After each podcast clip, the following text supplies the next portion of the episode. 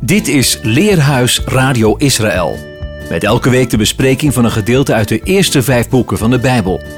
De presentator van deze week is Siebe de Vos. Shabbat shalom, Shabbat shalom, Shabbat, Shabbat, Shabbat, Shabbat shalom, Shabbat shalom, Shabbat shalom, Shabbat. We lezen deze week een dubbele parasha. Matot, stammen en Massé, pleisterplaatsen. Matot begint bij nummer 30 vers 2 en loopt door tot 32 vers 42. Mozes spreekt tot de Rashi Hamatot, de hoofden van de stammen. Het gedeelte opent met regels rond eden, geloften en bindende verplichtingen. De formulering is zowel negatief als positief. Een man mag zijn woord niet schenden. Hij moet al datgene wat zijn mond uitgegaan is nakomen. Nummer 30, vers 2. Wat een vrouw betreft, kan een vader ten opzichte van zijn dochter en een man ten opzichte van zijn echtgenote al de verplichtingen die zij op zich genomen heeft nietig verklaren op de dag dat hij het hoort. Zijn zwijgen betekent zijn goedkeuring. Daarna verliest hij het recht om de zaak te annuleren. Hij draagt de verantwoording. De kwaadaardigheid van de Midjanieten had de dood van 24.000 Israëlieten veroorzaakt. Daarom beveelt Adonai Mozes in nummer 31 om Gods gericht aan hen te voltrekken. Daarna zal Mozes tot zijn voorgeslacht vergaderd worden. Er worden duizend soldaten uit elk van de twaalf stammen gerecruiteerd met de duidelijke opdracht om oorlog tegen hen te voeren. Nummer 31, vers 3. Na de overwinning op de vijf Midjanitische prinsen keren de soldaten terug met een overvloed aan buit, vee en mensen. Mozes laat dat in gelijke mate verdelen. De uitgetrokken krijgsmacht krijgt de ene en de rest van de gemeenschap de andere helft. Als blijkt dat er niet één Israëliet in deze strijd is gesneuveld, brengen de officieren van het leger een toenaderingsgave van gouden voorwerpen naar de tabernakel om verzoening over hen te vragen. Maar eerst moest de volledige buit gereinigd worden. Wanneer Israël zich voorbereidt om de Jordaan over te steken, doen de stammen Ruben en Gad Mozes het verzoek om het voormalige grondgebied van de Amorieten aan de oostkant van de Jordaan in erfelijk bezit te krijgen. Ze willen zich graag vestigen in de gebieden die veroverd zijn op Sigon en Och. Na de onderhandelingen die volgen, wordt hen dit land toegezegd op voorwaarde dat ze helpen bij de verovering van Canaan, waarop zij de gelofte doen om als stoottroepen voor Israël uit te gaan, zodat ook zij haar erfdeel ontvangt. En daarmee is de cirkel van deze parasha rond. De Haftarah-lezing is uit Jeremia 1, vers 1 tot en met 2, vers 3. Tot aan Tisha B'Av, de negende van de maand af, wanneer alle rampen die Israël hebben getroffen worden herdacht, worden drie zogenaamde boete Haftarot gelezen. En daarna gevolgd door zeven troost Haftarot, tot aan Rosh Hashanah. In deze periode hebben de lezingen dus geen speciale connectie met het Torah-gedeelte. Jeremia wordt als jonge profeet geroepen. Hij spreekt de woorden van Hashem tijdens de regering van vijf Judese koningen, tot aan de wegvoering van Jeruzalem. De lezing eindigt ermee dat Adonai terugdenkt aan de liefde van de bruidstijd met Israël, toen ze hem gewillig gevolgd was in de woestijn. De lezing uit de Apostelen is uit Handelingen 9, vers 1 tot en met 22, wat gaat over de openbaring van Yeshua aan de volijverige fariseer Shaul, die met brieven van de hoge priester uit Jeruzalem op weg is naar Damascus. In het gebied dat nu Syrië heet, was een grote Joodse gemeenschap. Er woonden zoveel Joden dat bepaalde wetten voor het land Israël ook daar golden. Blijkbaar had de Joodse beweging, die de weg genoemd werd, ook daar zoveel aanhang dat Shaul daar wel een reisje voor over had. Of was het zijn blinde ijver? In ieder geval laat deze geschiedenis zien dat er van oude tijden af Israëlieten buiten de landsgrenzen, die aan het eind van Numeri beschreven worden, hebben gewoond.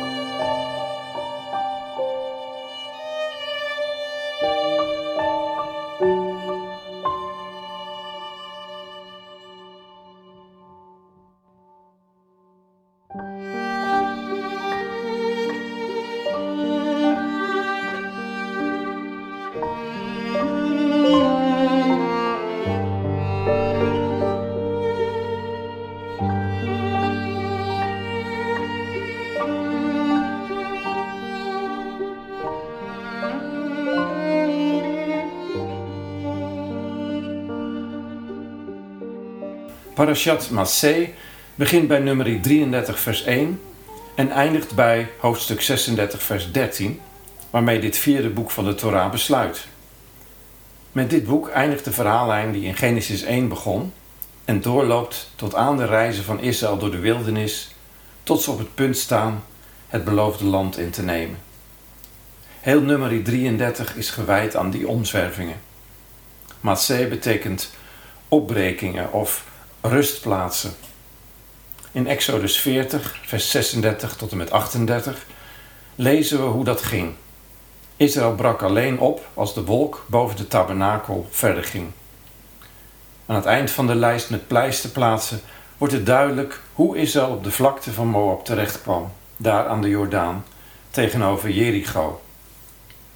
Hashem draagt Israël op het land binnen te gaan, af te rekenen met de volken die er wonen, hun godenbeelden te vernietigen en vervolgens het land te verdelen onder de stammen en families van Israël met behulp van het lot. Om dat te kunnen doen, geeft hij een nauwkeurige beschrijving wat precies de grenzen van het toekomstige land zullen zijn. Het woongebied voor de overgebleven 9,5 stam. Ruben, Gad en half Manasse hadden zich al gesetteld aan de oostkant van de Jordaan. De stam Levi erft niet mee, maar de Levieten, waaronder de Kohanim, ontvangen wel 48 steden, waarvan er zes vrijsteden zullen zijn.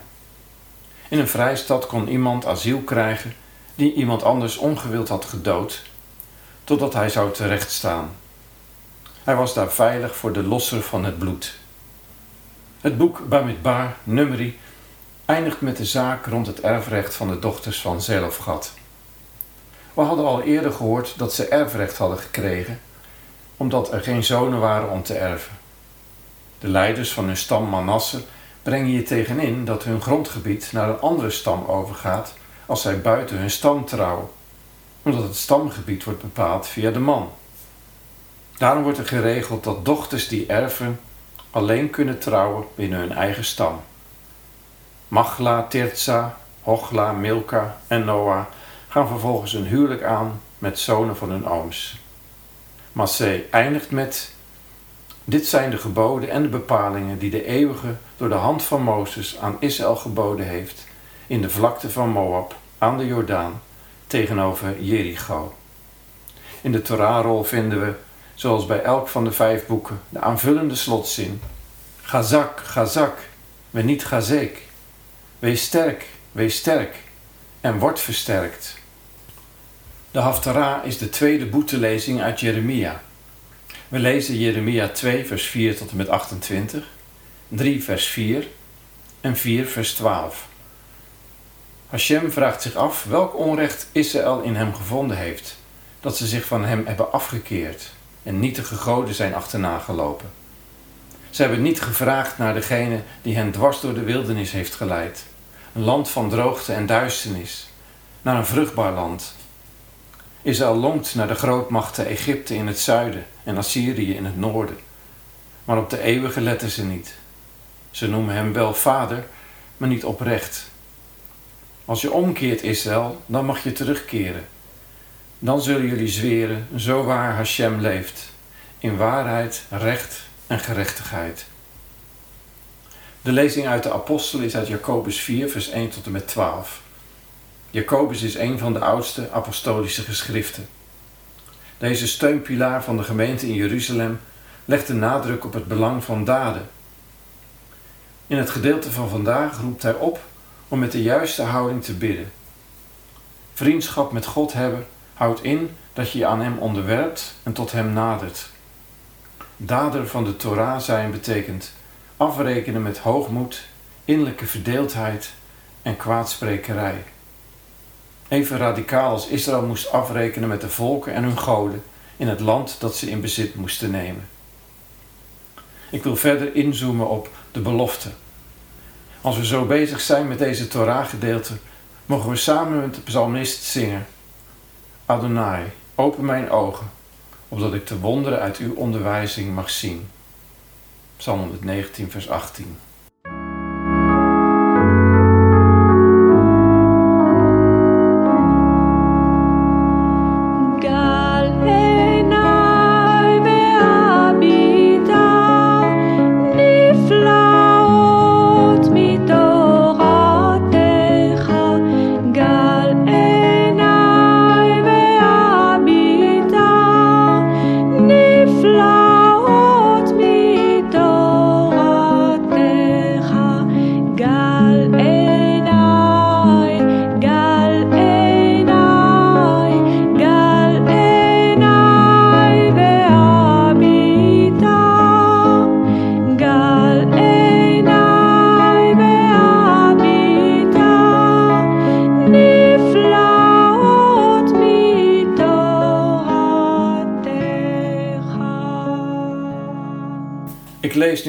Bamidbar, nummerie 30, vers 3. Wanneer een man de eeuwige een gelofte doet of een eed zweert om een verplichting op zich te nemen, dan mag hij zijn woord niet schenden. Overeenkomstig alles wat uit zijn mond komt, moet hij doen. In deze tekst worden drie dingen genoemd: een gelofte doen, een eed zweren en een verplichting op je nemen. Het Hebreeuwse woord voor gelofte is neder. Voor eed shivua en voor verplichting of binding isar. In de Talmud is een heel traktaat aan de eed gewijd, shivuot, eden. Je kan hier het woord sheva, zeven, en shavuot, week, in horen. Denk aan de plaats Be'er Sheva, put van de zeven, put van de eed, waar Abraham zeven lammetjes apart zet voor Abimelech als bekrachtiging van hun overeenkomst. Zo werd de eed als het ware zichtbaar. Genesis 21, vers 31. Iemand die een eed zweert, roept bij wijze van bekrachtiging God als zijn getuige aan. De formulering ging dan zo: Zo waar de eeuwige leeft. Of zo mogen de eeuwige mij doen als ik niet. puntje, puntje, puntje. In de Tweede Tempelperiode werd de naam voor zulke dingen niet meer uitgesproken. En men zwoer bij de hemel, de stad Jeruzalem of het altaar. Yeshua waarschuwt om helemaal niet te zweren, omdat wat je ook zegt, je het altijd voor Gods aangezicht doet. Laat je ja ja zijn en je nee nee. Dat is genoeg. Hij plaatst als het ware een hek rond het Torah-woord uit Leviticus 19, vers 12. U mag geen valse eed afleggen in mijn naam en zo de naam van uw God ontheiligen. Ik ben de eeuwige. Om dit te voorkomen zegt ook Jacobus in zijn brief 5 vers 12. Maar voor alle dingen, mijn broeders, zweer niet. Niet bij de hemel, ook niet bij de aarde. En zweer ook geen enkele andere eed. Maar laat uw ja, ja zijn en uw nee, nee. Omdat u niet onder enig oordeel valt. In traktaat Shavuot staat een uitspraak van Rabbi Eleazar. Nee is een eed en ja is een eed. Dat is de richtlijn voor veel orthodoxe Joden die tot op vandaag ook voor de rechtbank in plaats van zweren eenvoudig ja zeggen. Zo zijn er ook christenen die op grond van het voorafgaande ook bij officiële gelegenheden liever niet zweren. Een neder of gelofte kon je doen om iets specifieks te beloven. In de psalmen komen we dat ook veel tegen. Leviticus 7, vers 16 spreekt van een gelofteoffer. En Psalm 50, vers 14 Offer dank aan God en kom aan de Allerhoogste uw geloften na. Leviticus 27 handelt over verschillende typen geloften die een persoon kan doen aangaande dieren, bezit, tot je eigen leven aan toe. Met een nedder kon je ook beloven om je van iets te onthouden. De Nazireër-gelofte is daar een bekend voorbeeld van. Zo beloofde Hanna niet alleen haar kind aan God terug te geven, maar wijde Samuel voor zijn hele leven als Nazireër aan God. Het Talmud-traktaat Nedarim behandelt alle voorkomende varianten van gelofte. Iemand die beloofd heeft iets te zullen doen of zich juist van iets te onthouden, is daardoor gebonden. Dat is een isar, een binding. Of de gelofte door een eed bekrachtigd is of niet, maakt niet uit. Zelfs al spreek je een belofte uit zonder dat iemand het hoort, dan nog doe je dat voor Gods aangezicht en is Hij getuige. En jijzelf ook. Een man moet zich houden aan zijn woord. Hij mag zijn gelofte of eed niet schenden. Schenden is in het Hebreeuws galal, wat doorboren of ontheiligen kan betekenen. In Prediker 5, vers 4 lezen we: Je kunt beter geen gelofte doen dan een gedane gelofte niet inlossen. De verantwoordelijkheid voor alle geloften rust bij de man, niet bij zijn vrouw of dochter. Zo werden zij beschermd. Het beeld dat we allemaal individuen zijn die los van elkaar beslissingen kunnen nemen en langs elkaar heen kunnen leven, strookt niet met de Bijbel en ook niet met een gezonde samenleving. Er is nog een diepere laag verborgen in het gedeelte over geloften, eden en bindingen. Shaul zegt in 2 Korintiërs 1 vers 20. In hem worden alle beloften van God ingelost. En daarom is het ook door hem dat we amen zeggen, tot Gods eer. Het woord ken, Ivriet voor ja, betekent in Bijbelse tijden recht of juist. Het amen dat erop volgt is een bekrachtiging, om de betrouwbaarheid van de eeuwige te bevestigen. In Hebreeën 6, vers 13 tot en met 18 lezen we hoe God zelf een eed aflegt aan Abraham en zijn nageslacht. Want toen God Abraham de belofte deed, zwoer hij bij zichzelf, omdat hij bij niemand die hoger was kon zweren. En hij zei: Voorzeker, rijk zal ik u zegenen en overvloedig zal ik u in aantal doen toenemen. En zo heeft hij de belofte verkregen na daar geduldig op gewacht te hebben. Mensen zweren immers bij iemand die hoger is dan, hij, dan zijzelf. En de eed die hun tot bevestiging dient, is het eind van alle tegenspraak.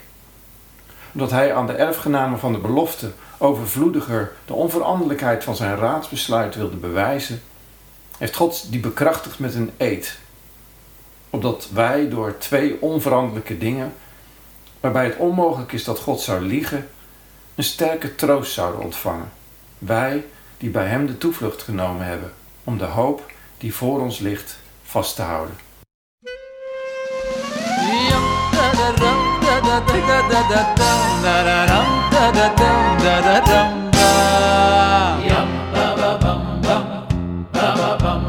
אדוני למה אשר מולך בטרם כל יצור נברו רייס נעשו וחפצו אלא זי מלך שמו יני יקרו. ואחר הרי כחלוי זה הכוי לבדו אם לא יכנו הירו והוא הויו והוא אויבה והוא יהיה בסיפורו והוא אחות ויהי שיני להמשיל אלוי להיח בירו ולי ראי שיש בלי סחלי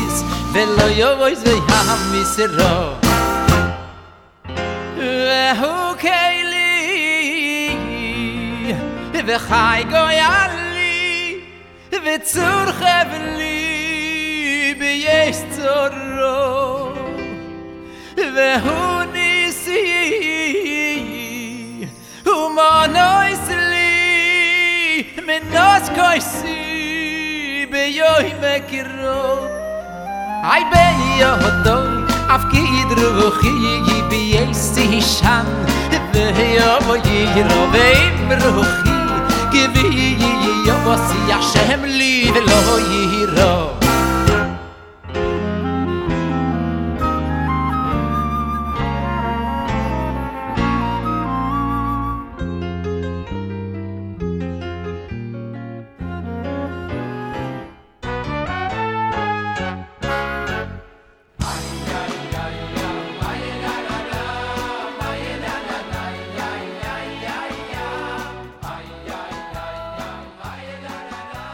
Vervolgens lees ik Bamidbar, nummerie 32, vers 1 tot en met 4.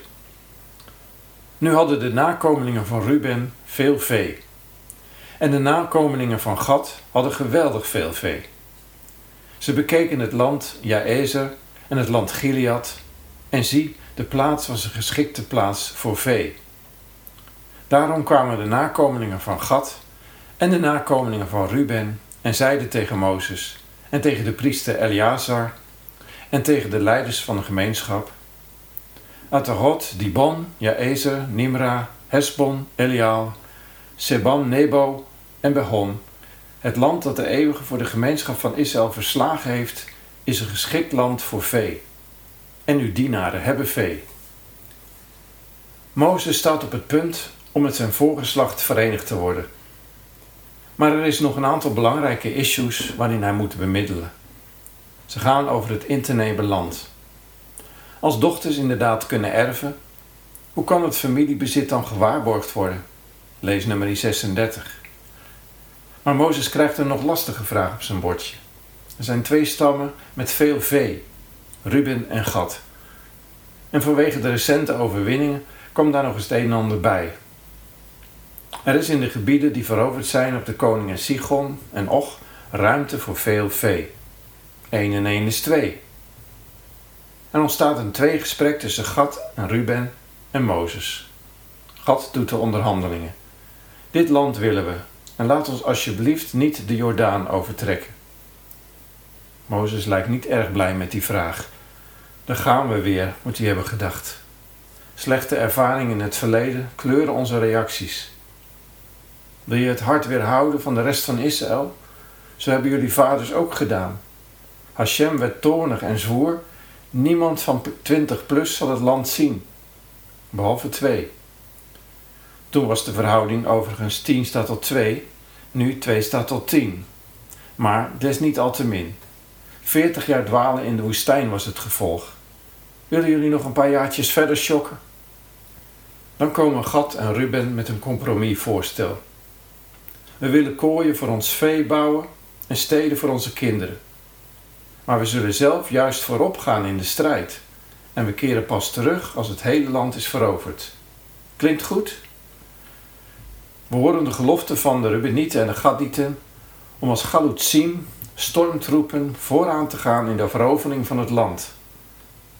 Mozes is wellicht verrast, maar geeft in 32 vers 24 op een subtiele manier aan dat ze nog iets aan hun prioriteiten moeten doen. Bouw steden voor uw kleine kinderen en kooien voor uw schapen en doe wat over uw lippen gekomen is.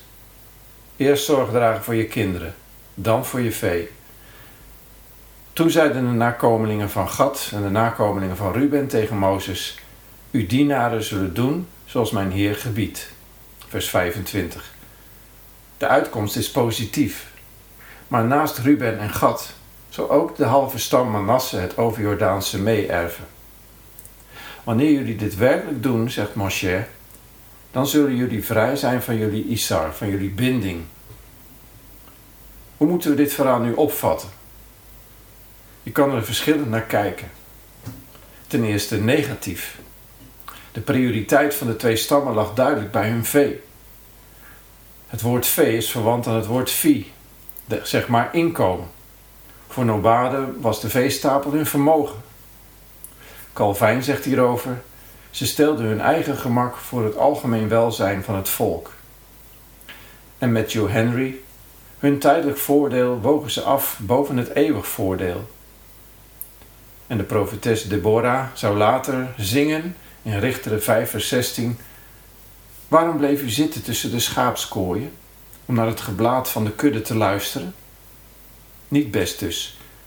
Onze actie of passiviteit heeft altijd gevolgen. Hadden ze wel oog voor de gemeenschap? Wilde Ruben als stam van de eerstgeborenen zich nog steeds laten gelden? Ze kozen er bovendien voor om afgescheiden van de rest van Israël te wonen, ver weg van de tabernakel, in feite buiten het land dat God had beloofd. Staat Mozes dit toe alleen vanwege de zwakheid van hun vlees? Maar we kunnen dit verhaal ook anders lezen. Er is namelijk geen sprake van ongehoorzaamheid bij Ruben en Gad.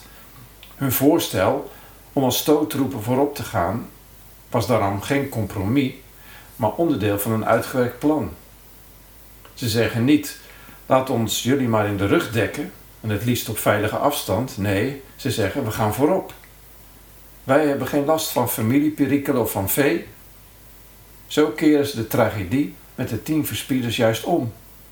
En wat meer is, ze breiden de grenzen van het beloofde land zelfs uit. Het land dat ze in bezit hadden gekregen was een voorproefje van wat nog komen zou. Zo offerden de eerste Zionistische pioniers in de 19e eeuw hun carrières en hun rijkdommen op om Joods thuisland te verwerven. De spreekwoordelijke bloed, zweet en tranen. Zoals de settlers nu doen, die onder moeilijke omstandigheden in Judea en Samaria zijn gaan wonen. En in zekere zin zijn ook Messias blijde Joden pioniers die hun volk voorgaan. En dit stelt ook ons als gelovigen in de Messias voor de keus. Leven we voornamelijk in het hier en nu? Luisteren we naar het gezellig blaten van het vee? Of nemen we een voorschot op het komende koninkrijk? God is trouw. Zijn beloften zijn voor altijd.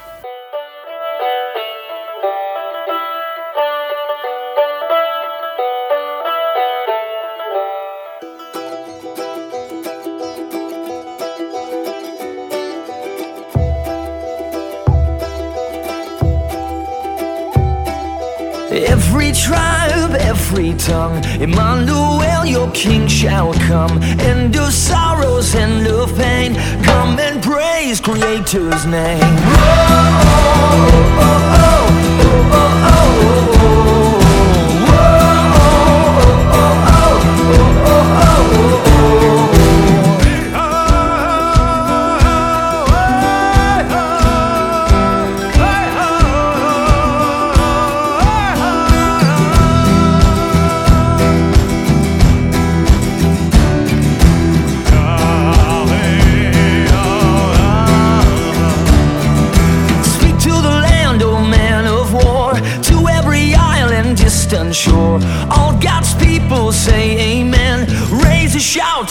come look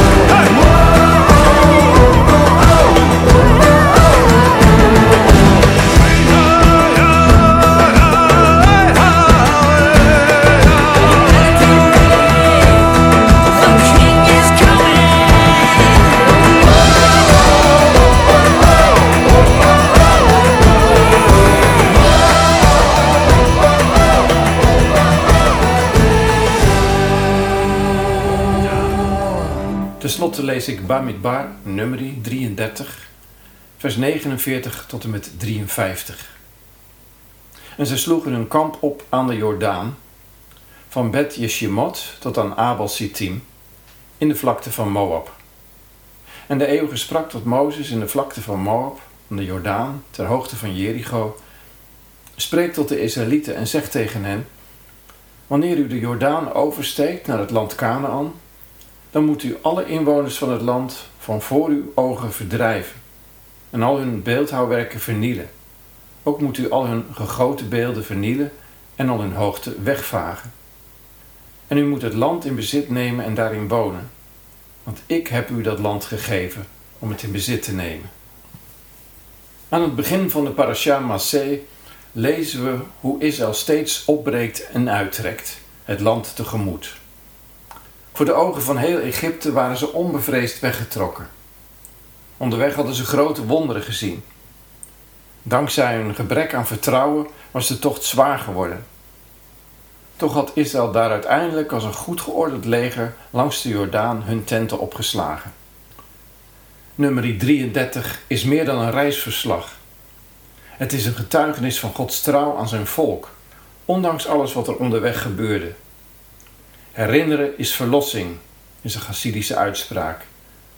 En David zingt in Psalm 56, vers 9: U hebt mijn omzwervingen geteld. Doe mijn tranen in uw kruik.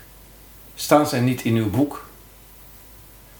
Maar het is belangrijk niet het doel uit het oog te verliezen. De laatste hoofdstukken van Numeri gaan over het innemen van het land. Israël wordt gemaand korte metten te maken met de Canaanieten en hun goden. Durven ze nu wel op Gods belofte te vertrouwen? De lijst met pleisterplaatsen tussen Egypte en het beloofde land speelt ook op de reis van ballingschap naar volkomen verlossing, waar Israël naar uitziet, waar alle gelovigen naar uitzien. De 42 pleisterplaatsen symboliseren zo die reis. In het begin van de 20e eeuw vergeleek de Joodse gelovige Moshe Immanuel ben Meir deze 42 pleisterplaatsen met de 42 namen uit de geslachtslijst van Yeshua. Citaat. Ik merkte op dat er in Matthäus 1 42 generaties worden genoemd, van Abraham tot Yeshua. De reden waarom Matthäus de namen weglaat, is dat het getal 42 hiervan betekenis is. De reizen van Israël, van Egypte naar Canaan, leidden langs 42 rustplaatsen. Aan het begin ervan stond Mosje, die hen uitleidde. Aan het eind van de reis was daar Jehoshua, die hen in het land bracht. Aan het begin van de 42 generaties was daar Abraham, die de belofte ontving van het gezegende zaad. Aan het eind van de generatielijst staat er nog grotere Jehoshua, Yeshua, in wie alle beloften hun hoogtepunt bereiken en vervuld worden. Einde citaat. Nummer 34 beschrijft de grenzen van het toekomstige land. Israël moet thuiskomen, vanuit de ballingschap, komen in het land. Yeshua zal hen thuisbrengen. Hoe zou Adonai zijn eed ooit kunnen breken?